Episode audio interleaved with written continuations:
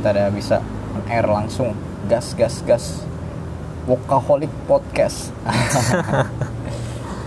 Gimana Sep? Kabarnya Sep? Alhamdulillah. Sehat sehat. Gimana lu be? Sehat? sehat sehat sehat. Sebenarnya kita udah bikin tema ya. Apa tuh tema kita ya kemarin? Banyak ya? yang lu kemarin tuh apa ya? Yang kata lu dijadiin kayak berita-berita tuh?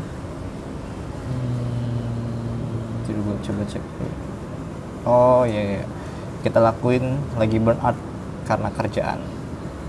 Yang biasa kita lakuin ketika lagi burnout karena kerjaan. Tapi nggak mau ngomongin itu nanti deh. Oke lah. terlalu. Eh, gue terlalu pengen ngomongin itu tau. Penipuan Sep Penipuannya yang kemarin itu loh. Kan gua kena tipu itu kan?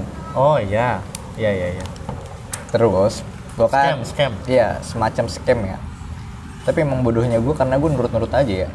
Gue penasaran sebetulnya kan. Ini orang nih kok bisa ya ngirim email pede banget ke orang yang nggak yang nggak kena yang nggak dia kenal dan berharap bakal dibales gitu tapi Ah, ternyata banyak yang kena anjir Itu dia langsung pakai nama lu nggak? iya dia tahu nama gue lagi Nama lu langsung ada di badan email itu. iya nih nih, gue baca Kan ya biasanya email tuh bisa kedetek mana yang dia di blast sama Hmm. yang enggak gitu.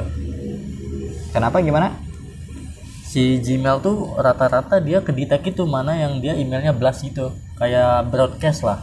Oh. Nah, nanti itu masuknya otomatis ke spam, ke spam. Oh tapi dia kalau enggak. misalkan personal itu dia personal? enggak. Mana lihat. Dia dulu langsung nama Hai itu bagus Nandi Purwa I hope you are good and safe in these weird times. Gue suka tuh cara kalimat dia yang bilang ini. Bagus gitu, ramah gitu ya. Kayak manusia-manusia baik pada umumnya bro I really like your style katanya. So I just thought uh, I'd reach out katanya. Gue suka style lo dan gue pikir gue pengen ngirim email ke lo. Gue pengen lo uh, ngeliat untuk support. Ini sport sih dia kayak tipu kayaknya. Support brand dia T-Sports katanya. Hmm, hmm. the world's first wearable magazine. Baju pertama dengan konsep majalah kayak gitu deh pokoknya. Jadi memang di bajunya tuh di apa namanya di belakang bajunya. Dia tuh kayak semacam ada tulisannya gitu loh Sep. tulisannya gimana? Iya kayak majalah. Jadi konsepnya isi majalah gitu. Kan majalah kan biasanya ada rubriknya tuh. Ah. Nah, dia bakal bahas ada bahas isu-isu eh secara isu-isu yang dia tangkap sih yang pengen dia angkat aja gitu. Isu apa gitu ya. Dia konsennya kalau nggak salah tipe soal permasalahan sosial aja gitu. Kayak mungkin ras eh, diskriminasi segala macem. Ya kayak gitu, -gitu deh. Kayak jogger lu pernah jogger nggak? Ya ya Tapi jogger kalau jogger ini kan lebih ke ini ya. ya kalimat gitu ya. Cuma lu ngecek dulu nggak nih? Gua cek. Semuanya dicek ya? Emang ada ya? Ada. Yang menurut gua ini enggak enggak pure penipuan juga Nah, sih. itu dia. Ini teknik Itu dia. gua. gue ngerasanya ini bukan bukan awalnya pas gue buka. Hmm. ini bukan scam 100% scam. Tapi false marketing gitu tuh. Ya.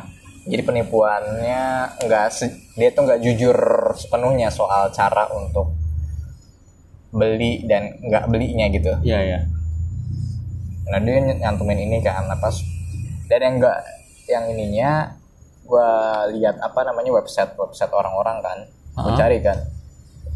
Eh, apa namanya salah guanya ya. Gue telat nyari itunya. Nyari apa sih namanya isu si tipos ini. Kan nama website tipos kan tipos tipos uh, post gitu. Dia asal mana itu ya? Swedia apa? Sweden, Sweden. Swedia ya Swedia. Gue telat nyarinya dan ternyata banyak yang di reach out juga sama si orang yang namanya Peter itu. Oh gitu gitu. Dia nge-reach out banyak orang terus banyak yang bilang katanya iya ada yang dapet tapi ada yang uh, ada yang bilang gue nggak dapet tapi selanjutnya gue harus bayar per bulan. Yang mana gue nggak mau bayar dia per bulan gitu katanya dan itu otomatis. Otomatis karena subscription itu. Jadi lu bayar dengan cara lu subscription dia setiap bulannya. Dan dengan lu bayar subscription dia setiap bulannya satu bulan itu harusnya lu dapat satu baju. Hmm.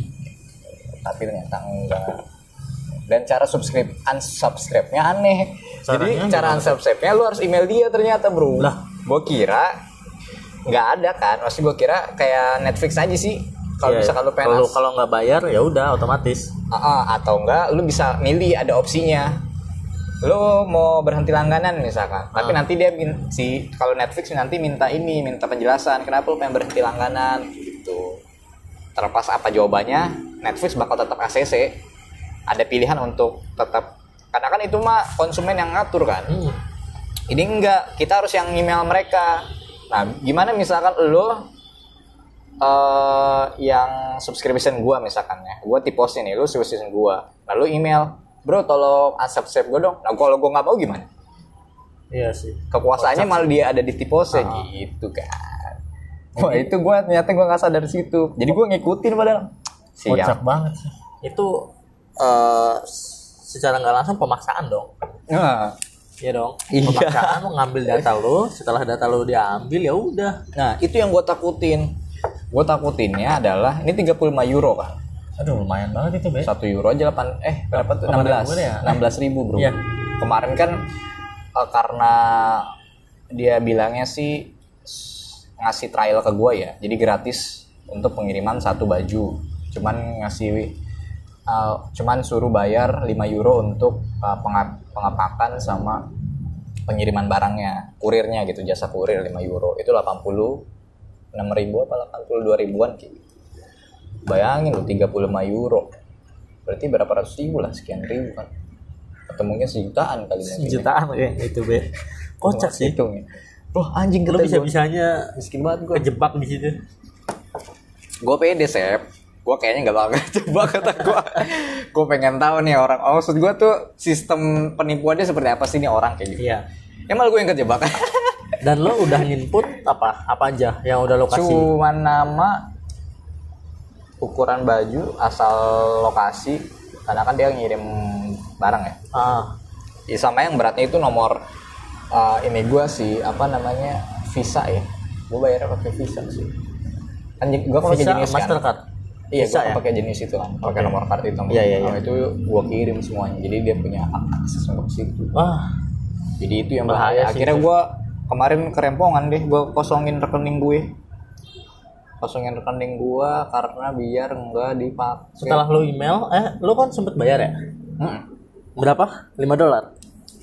euro Eh 5 euro, 5 euro. Itu balik lagi nggak? dia bilang sih refund sih tapi gue belum ngecek lagi ke Genius coba gue cek lagi ya gue pakai Genius soalnya. Tapi yang makainya nggak Genius Pakai nggak apa-apa sebutin aja. Coba gue cek ya. Kayaknya sih belum dikirim ya. Karena biasanya kalau ada info uang masuk tuh bakal muncul di notifikasi. Oh udah deh. Udah? ada udah ada. Ada. ada. Berarti nggak sepenuhnya scam ada nih 81 ribu oh gue bisa bayar ke lu nih tadi mesen minuman. Ada beneran. ada nih 81 Lo ribu ngirim email eh batalnya gimana? Eh, oh ini lucu nih gue ngirim email nih gue jutek kayak kayak cewek-cewek yang udah bete ditipu itu ya yang mana nih yang mana nih bla. Hello. Ah, bukan bukan bukan Bukan, mana? bukan, bukan. oh gue reach out-nya ke Peternya langsung Ah, mana ya aduh banyak lagi nih. Lo email banyak juga. Iya gue ngobrol, sama dia, gue ngomongnya hidup gue Enggak lah, sih. lah anjir Canda Hai Peter kata gue Ini di tanggal yang Eh Iya gue kan Cepet nggak ngechat sama dia. si Peternya itu tanggal 13 Itu malam. Di gue malam jam 11 malaman lah kalau nggak salah kayak gitu.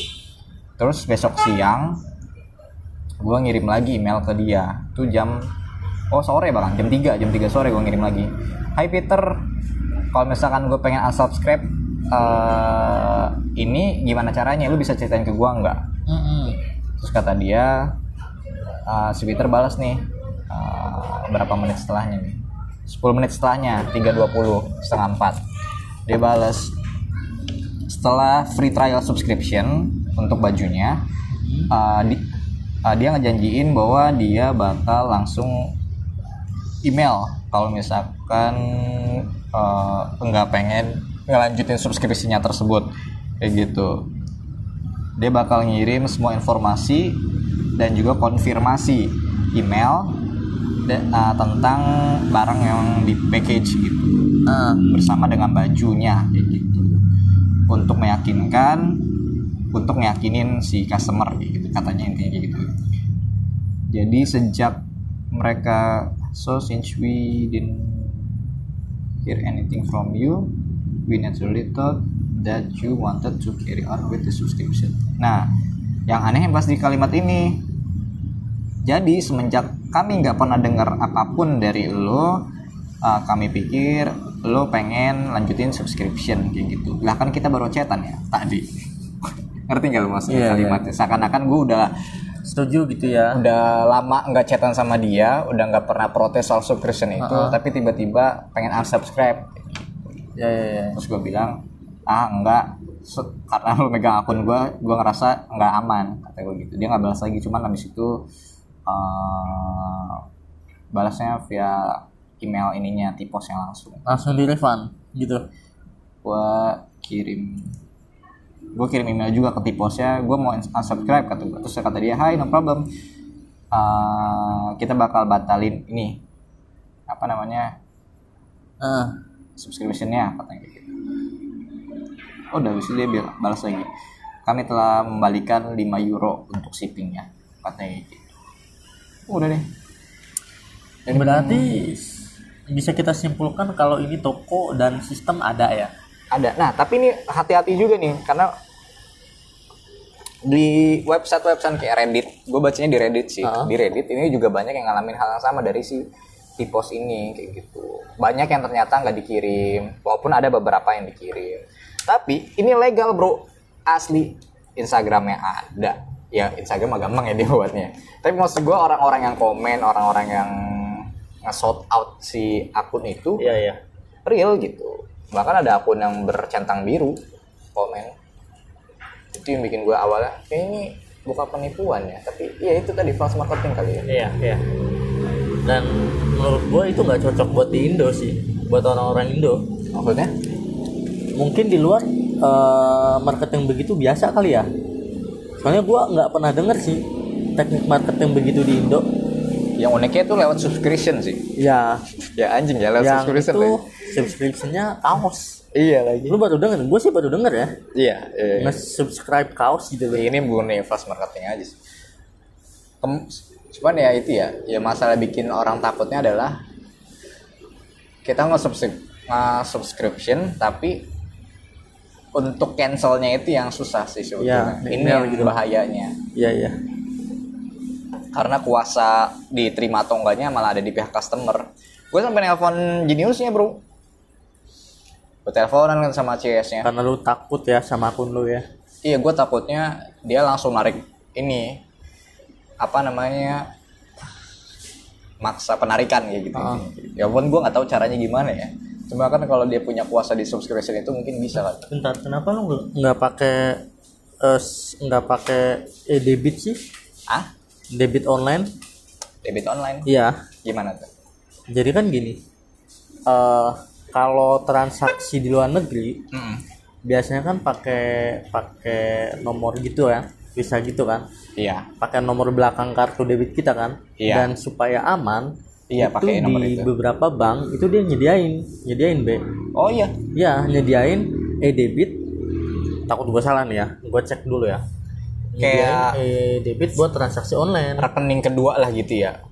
Jadi kayak rekening itu diisi dulu. ah ah, betul betul betul Jadi kalau misalkan ternyata rekening keduanya itu dipaksa dihabisin, ya kita nggak rugi gitu. ah nih Karena ya kita nyetornya sesuai dengan jumlahnya aja gitu. Eh, bentar bentar mana ya Gue baru tahu tuh nih kayak gitu.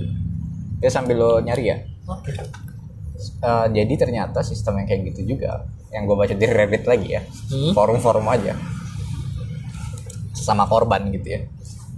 Eh, ada orang dari dari mana gitu negara Brazil kalau nggak salah. ya kenapa dia Dia sampai harus ngontek ke pihak apa ya keamanan internasional lah kayak gitu. Karena ini kan jaringnya luas dari Swedia ke Brazil. Jadi orang si Brazil, si korban dari Brazil itu ngontek ke banknya, banknya nanti harus eh, udah konfirmasi segala macam ternyata dia harus pindah ke pihak kepolisian. Hmm. Dari kepolisian ternyata harus kerjasama dengan pihak keamanan internasional segala macam gitu untuk tentu saja tentu saja gue jadi ka- kaku begini aja untuk ini maksudnya nangkep eh, jaringnya itu gitu loh Lu, harus tapi di itu situ dia ngejelasin kalau dia udah mendapatkan kerugian sekian Ah, jumlah dia dia cerita gue kaget katanya lah tiap bulan kok gue ngeluarin duit katanya Oh, gitu. untuk barang yang gak gue dapet kata dia gitu Iya gitu. iya Oh, berarti ya berarti benar itu. Ada sampai akhirnya dia bilang situ. Gue udah nggak peduli duitnya mau di refund apa enggak. Yang penting berhenti katanya gitu. Iya ya kata gue ini yang gue takutin kata gue tiba-tiba apa namanya tiap bulan gue harus bayar untuk barang yang gue dapet. Bahaya sih. Itu. jadi tapi seru sih. Gue langsung seru banget. Kayak. Otak gue langsung berpikir gitu kan. Oke gue harus A gue harus B gue harus C. Adrenalin bro itu efek kopi sih sumpah. Demi apa pun efek kopi Sam gue habis minum kopi soalnya Kok malamnya gitu sih? Ah, lu kenapa lu nyalain kopi? gue gue kan gak bersahabat sama kopi ya Gua bersahabat. maksudnya ketika Disclaimer. pertama kali pertama kali gue ketemu gue udah jarang minum kopi terus ketika minum kopi pasti bakal langsung deg-degan tuh Nih, kopi. nggak mau habis itu malamnya gue iseng-iseng buka email Ah, dan wih seru nih gitu ya. ada orang nih memuji-muji gue anjing Aduh seru katanya. banget. gue Wah, tapi itu juga ya siapa yang lu tanyain kemarin tuh soal dia kok tahu nama gue terus dia tahu Ya. email gue dan dia nggak follow Instagram gue atau lihat apa pun dari Instagram gue karena kemungkinan sih memang dari Instagram. Tapi apa yang gue cantumin di Instagram tuh bukan email yang dikirim sama dia. Iya, iya. email yang dikirim sama dia tuh kayak email gue yang ketiga atau keempat gitu. Kedua atau ketiga sih harusnya. Iya jadi email sampingan gue Ah. tapi dia udah mau tahu nama gue sama tahu email sampingan gue itu Dan gue justru itu pertanyaannya dari mana dia dapat informasi lu? Dapat database lu tuh dari mana? Database kita kan udah ke- kejual ke mana-mana boy. Udah, udah. Wah, jadi tuduhan barang. tuduhan keras nih tahu dari mana database kita bocor di mana-mana Iya dong. Oh ya dong Menurut gue sih ya. Gampangnya gini. Lu sering dapat SMS. iya Nah itu dari mana tuh bocorannya? gue sih ngiranya itu fans aja ya mana ada fans atau enggak eh, kalau kalau WA sih jarang ya kalau WA jarang iya WA sih alhamdulillah nggak ada. WA. Iya, cenderung lebih aman menurut gue iya, betul WA aman sih oh gue kemarin dapat WA dari apa? Playface narasi. Apa itu? Playface narasi yang gue ajakin dulu acara oh narasi. iya iya. Iya tapi WhatsApp gue ganti-ganti orang bingung gue admin sih. Ya tapi kayak banyak orang yang ngechat lu. Dua sih dua orang. Itu orang udah banyak dong itu tapi kan seenggaknya masih oke lah. Gitu. Ya karena lu udah masuk dalam datanya. database dia. Iya sih cuma kan malas aja gue emang gitu deh. Kalau udah masuk ke database tuh hati-hati. Hmm. dan balik lagi ke soal database gua selalu mengingatkan lu kalau ini kan dunianya serba online. Hmm. dan kayak penjualan database tuh udah di mana-mana ya. Penjualan KTP sama foto selfie KTP tuh udah di mana-mana. Hmm. dan itu bisa jadi dari sekian juta itu salah satunya lo ada di situ. Iya iya. Siapa yang tahu kan? Iya. Makanya salah satu hal untuk mengantisipasinya menurut gua adalah Hmm. lo pakai watermark. Oh yang kata kementerian juga ya? Ya watermark. Mau lo tulis kayak manual kayak apa kayak. Yang penting lo Ah, Ditulis keperluannya apa. maksudnya? Kayak tulis manual gitu loh. Di Ya kan KTP gue- pakai kertas gitu. Tek, tek, tek. hmm. tapi kan bisa diedit saya gitu maksudnya gampang. Setidaknya. Setidaknya kamu minimalisasi dong. Tapi kan bisa diedit bro iya tapi setidaknya meminimalisasi. Maksudnya kalau ada jutaan kalau ada jutaan data kemungkinan untuk wah ini mah nggak enak nih. Yang lain aja kan gitu lebih enak. Hmm. iya iya ngerti, ngerti. gitu. Tapi gue pernah lihat juga sih konsep yang kayak gitu di watermark. Jadi dia watermarknya emang harus diedit sih. Maksudnya ngedit lagi di aplikasi lah kayak gitu. ah ada yang edit di aplikasi ada yang naro. Jadi naro watermarknya pasti tengah KTP-nya itu gede ngeceplak tapi tetap transparan opacity-nya diturunin gitu Iya. kan biar transparan kayak gitu sih soalnya ada yang naro itunya apa watermarknya di KTP kan warna biru ya? Ya di warna birunya itu. Ya gampang ya orangnya sekarang. Photoshop tinggal di apa namanya dipotong terus di heal apa di clone lagi tuh ya warnanya. Udah selesai. Tidak ada yang tahu kalau itu ternyata hasil editan. Ya gitulah. Soal soal ini lu pernah ditipu apa eh, kalau ditipu secara langsung gua belum. Maksudnya gua sampai ketipu ya. Iya. Tapi kalau email-email sering gua. Oh, yang kemarin tuh yang keren dulu yang itu loh masalah masalah warisan. Iya anjing Gua itu seru sih. tuh. Sumpah gue baru tau lah ada yang kayak gitu. Coba Ada, gimana ada, gimana? ulangi serius. lagi ceritanya. Jadi gue di email sama orang luar negeri. Dia ngakunya eh, orang bank. Enggak enggak. Pertamanya bukan gitu. Pertamanya dia cuma nyapa. Hai Asep Kurniawan bla bla bla bla bla bla kan eh, ada waktu enggak gitu iya boleh boleh apa boleh minta waktunya gitu gue balas ah gue cuma balas hai doang kayak gitu lah pokoknya respon lah Mhm. Abis itu baru dia langsung ngirim email panjang, Brrrt, panjang mati banyak. Dia cerita di situ. ada attachmentnya gitu nggak maksudnya kayak file Nggak ada. langsung nggak ada oh. Nggak ada, cuma cuma cerita doang. cerita aja terus Teks doang. inti ceritanya Dan adalah inti ceritanya adalah dia pegawai bank di salah satu negara dan dia menemukan ada akun orang yang punya warisan sekian ratus juta. Gitu. pokoknya gede banget. Dan itu orangnya udah mati semua ceritanya ahli warisnya udah nggak ada. Gitu. dan oh yang ada ini sayang banget kalau nggak dicairin. Ah. Intinya gitu. Iya jadi lu mau nggak bantuin gua gitu. Untuk Gua nyairin. buat nyairin. Caranya ya pakai nama lu. Ah. Nanti gua urus dah semuanya gitu. Iya nanti kita bagi dua gitu. Singkat cerita begitulah. Kan lucu ya siapa yang nggak mau coba dapet duit gitu kan? dengan lu cuma ngasih data lu. Iya iya. terus? Ya gue tahu itu penipuan lah jelas. Ya udah langsung gua kacangin aja. Ah, nggak dibahas lagi abis nggak itu. gua bales. Terus ada lagi yang begitu nggak sekali loh. Sekitar 2 sampai tiga kali lah. Berarti data lu yang bahaya saya data gua setidaknya email ya. Dan itu tapi email tuh eh terus lanjut. Dan itu eh, untuk pertama untuk pertama itu masuk ke ke primary. Ah kotak masuk primary tapi untuk yang kedua ketiga spam langsung sama si Google nya hmm. sama si Gmail ya. Hmm. menurut gua Gmail juga bagus banget loh. Sistem keamanannya. Sistem keamanan. Iya sih termasuknya cukup terbilang aman ya. Iya. dengan banyak kasus pembobolan data Kayak segala macam yang gua keganggu itu ketika gua ikut sebuah uh, pelatihan online lo sering nggak dapet iklan-iklan gitu. Setelah lo ikut pelatihan online daftar lo selalu Iya. dikirimin. Padahal gua udah unshoot gua udah blok tetap aja gue kirimin. Ah. sampai sekarang masih nih udah gua hapus sekian Iya, ratus banyak juga aja. gue masih banyak kan gue Nah, masih itu banyak. tuh itu juga salah satu yang ganggu banget. Ah. walaupun ada beberapa yang berhasil gue unsub sih kayak ya udah emang ternyata emailnya eh email apa websitenya emang cukup cukup baik hati lah gitu. Iya bersyukurnya ya begitu. Bersyukurnya email ya. Iya iya masih sekedar email gitu. Tapi gue ingat tuh kata si si ya apa ya? Eh Fahmi Fahmi. Kenapa tuh kata Fahmi? Husaining Hanum. Ah, Hanum Hanum. Ah, ah, dia sempat cerita juga. Dia kan sempat bikin podcast juga tuh. Iya. Dia soal bahas soal eh, bahayanya email kalau dibobol ah. Karena email tuh kayak Uh, identitas pribadi kedua identitas pribadi yang ke mana-mana gitu. Mm-mm. Dipakai ya? kan? Kalau email bobol YouTube lo akun Instagram media sosial semuanya angus. Kadang gue juga jadi takut tuh iya juga ya. Kadang ada yang nyaranin email harus diganti periodik passwordnya. Ya. walaupun sebenarnya secara itu memang dari sistemnya juga nyaraninnya gitu ya. Hmm. ganti password secara periodik. Cuman kan kita manusia ya Mager. yang kadang lupa sih bukan mager sih lupa gua. iyalah. Kadang suka males aja gitu ganti-ganti itunya. Terus kepikiran segala macam kan capek mikirin hal-hal kecil kayak gitu. Iya. Kayak lu punya email berapa?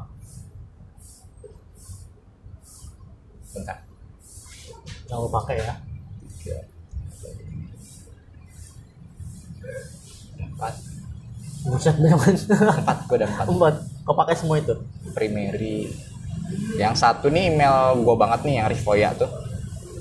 Tuh. Untuk kebutuhan apa email yang Rivoya ada? Game. Game terus? Terus eh, semuanya. Hampir semua daily life media sosial itu itu. Hmm. ada beton. Beton nih khusus untuk Instagram sama buat belajar. Kayak misalkan akun edu ada edu.com atau apa Iya, iya, gitu iya. tapi mah gue pakai itu kalau lagi ada yang gue pelajari. Terus akun YouTube yang base game Hah? kan jadi punya gue ya. Karena nggak ada yang pakai. Kuda emang anak-anak kuda. Terus tapi yang dipakai yang itu? Yang itu mau emang buat YouTube doang sih Iya. base game satu lagi kewalahan. Kewalahan gue pakai game sekarang kewalahan murni buat game sih jadi yang tadi di Rivoya tuh game itu maksudnya buat apa sih game PC game HP game HP sih kalau Rivoya game HP semua Oh. kan masuknya ke Google Game login gitu kan login gitu ya Google, ah, di Google Play-nya, Google Game-nya itu Ah. kan masuk ke satu akun. iya ya Itu semua. Gitu. Kayak gitu sih. Lu ada berapa? tiga Tiga. yang satu email yang buat kerjaan Aha. eh email kerjaan gua Gmail lah Gmail Hmm. utama lah ya Hmm. kerjaan lamar kerja segala macem di situ Ah, itu gue juga revoy di situ semua tuh. Iya, Jadi iya. nyampur gue tuh. oh iya Babak belur. kalau gua semua sama cuma bedanya add-nya aja di belakang iya yang beda iya. Oh, terus add apa gitu yang satu tuh pakai Gmail Satu. Gmail buat kerjaan itu yang kedua add eh at yahoo.co.id masih ada Yahoo ya. Emailnya udah mati. Terus? Emailnya udah mati sebenarnya. Tapi gua pakai di Facebook. Karena gua ngerasa kayak Facebook tuh udah mulai nggak aman gitu loh. Jadi email yang terhubung ke Facebook itu. Hmm. terus yang satu lagi at Microsoft. Microsoft itu buat database gua. Database tuh masuknya gimana? database tuh kayak OneDrive. Data-data Hmm. gua sama buat kalau nge-subscribe apa gua ke situ. Oh. karena kalau eh, terutama untuk yang nggak penting-penting banget gitu Iya, iya, gua iya. takutnya nge-spam Iya, iya, ngerti, kalau di ngerti. utama Iya sih betul ya. Betul betul spam tuh. dan gua suka banget kalau nggak tahu ini bener apa enggak ya kalau eh, login atau daftar itu lebih prefer ke daftar pakai Facebook daripada daftar pakai email Kenapa? gua takut kalau email Hmm. takut jebol Iya iya iya. iya. Kalau Facebook kan Facebook nanti ngambil kalau ngambil data email email gua mati. Yang Yahoo itu ya. Yang Iya. karena berhubungan sama Yahoo ya. Tapi iya. takut juga sih gua. Facebook gua takut kejebol tapi ya udahlah. Ngomongin email ya ada satu hal yang lagi gue repot sekarang. Karena gue kan sekarang jadi admin media sosial kantor ya. Ah. Nah me- email itu ada di ini gue nih.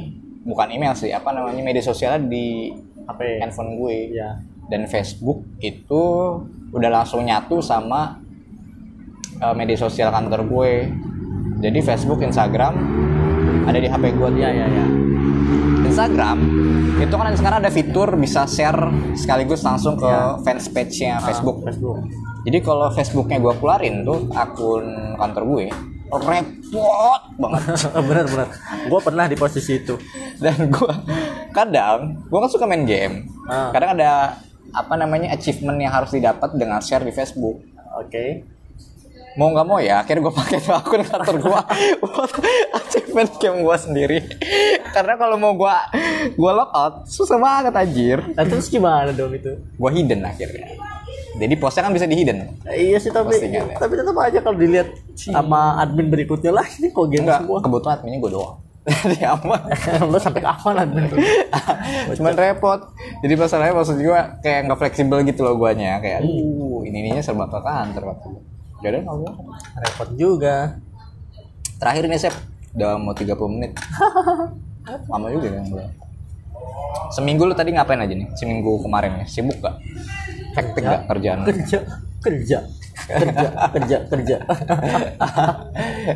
Tapi lu kerjaan lu emang sepadat itu ya? hmm, enggak juga Iya kan? Maksudnya ini enggak apa sih sekarang tuh ya sebutannya work life balance ya? work life balance ya ya ya Kan ada yang jam normal kan jam 8 sampai jam 5 lah. Ah. gitu. 9 jam. 9 jam. enggak gue tuh baru mulai aktivitas kerja itu biasanya itu Siap. sekitar jam 10 jam 11 Hmm, sampai jam sampai paling jam 3 atau jam 6 eh dan selebihnya ya kayak searching searching segala macem searching searching lah. Maksudnya ya surfing lah Iya, bukan kerja kan? bukan Berarti berapa jam aktif kerja? 5 kali ya, 5 jam ya ya? sekitar 4 sampai 5 jam Iya. Dan gue juga pernah baca sih. Jadi manusia tuh nggak bisa ngehandle banyak kerjaan lebih dari lima jam ya ya karena iya manusia emang secerdas-cerdasnya manusia katanya dia. Cuma mampu bisa mengerjakan banyak hal atau apa tuh kalau kerja berbarengan secara banyak Multi- multitasking itu. Tasking. ah, kayak gitu-gitu ya cuma sampai lima jam mentoknya. Lalu sendiri banyak kan kerjaan lu?